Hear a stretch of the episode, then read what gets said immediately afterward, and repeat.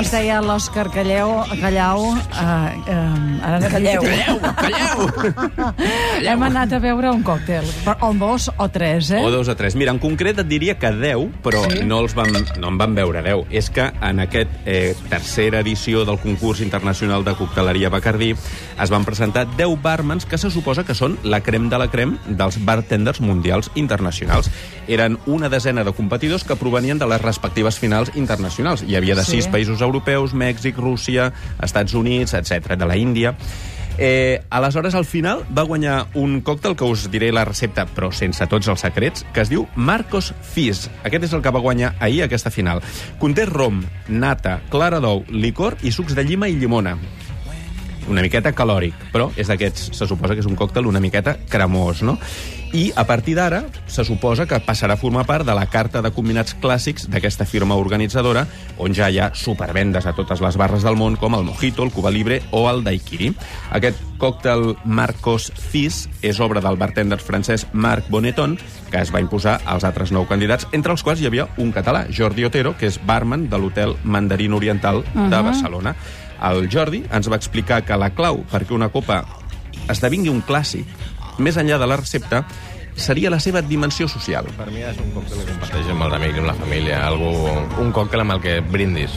Passar una nit amb els teus amics, aquesta és la gran idea. Aquests tres còctels, tant el Cuba Libre com el, com el Mojito com el Daiquiri, són còctels que la gent acostuma a prendre rodejada d'amics, quan s'ho passa bé, és un còctel de família.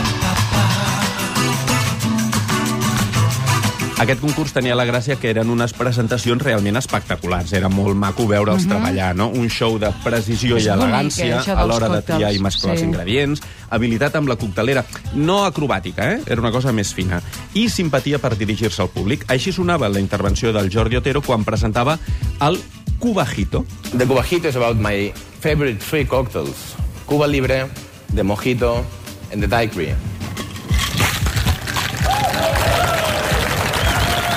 Va despertar grans expectacions. Toni Arbonès, bona tarda. Què tal, com esteu? Aquí de còctel, has Ja vingut ben bé, eh? acompanyat, eh? Sí, També amb en Miquel Casas. Benvingut. Digues, digues, Mira, això que Òscar. dèiem de l'elegància... La... Ui, m'ha quedat una mica Ai, pensiva, porta eh? menta.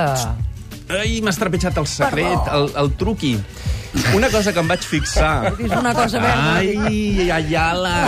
Bé, és igual, enrere? és igual, tirem enrere. És directe. Tirem enrere.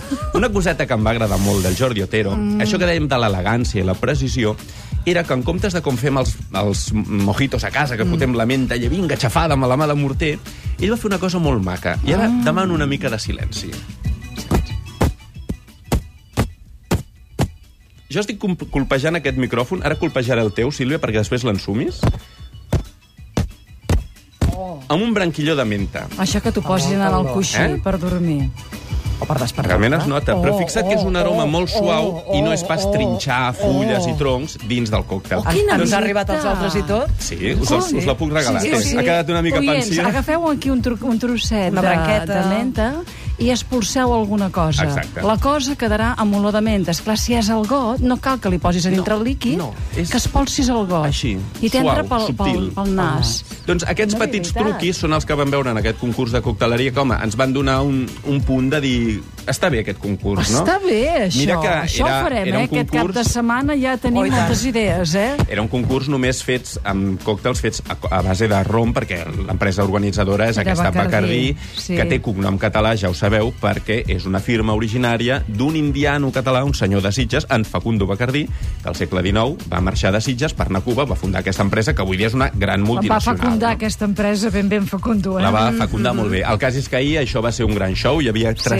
300 experts internacionals a la sala oval del Museu Nacional d'Art de Catalunya que seguien tots aquests moviments, el de la, el branquilló de menta, el sacsejar de la coctelera, el remenar els diferents ingredients, amb molta atenció, i el moment culminant sempre era el de sacsejar la coctelera. Quan un, un barman sacsejava, era com quan un esportista, un futbolista, marca un gol. Ens agrada. Ens agrada molt. I tu que t'ho passes bé i ens Clar ho sí, portes. explicar-ho. Gràcies.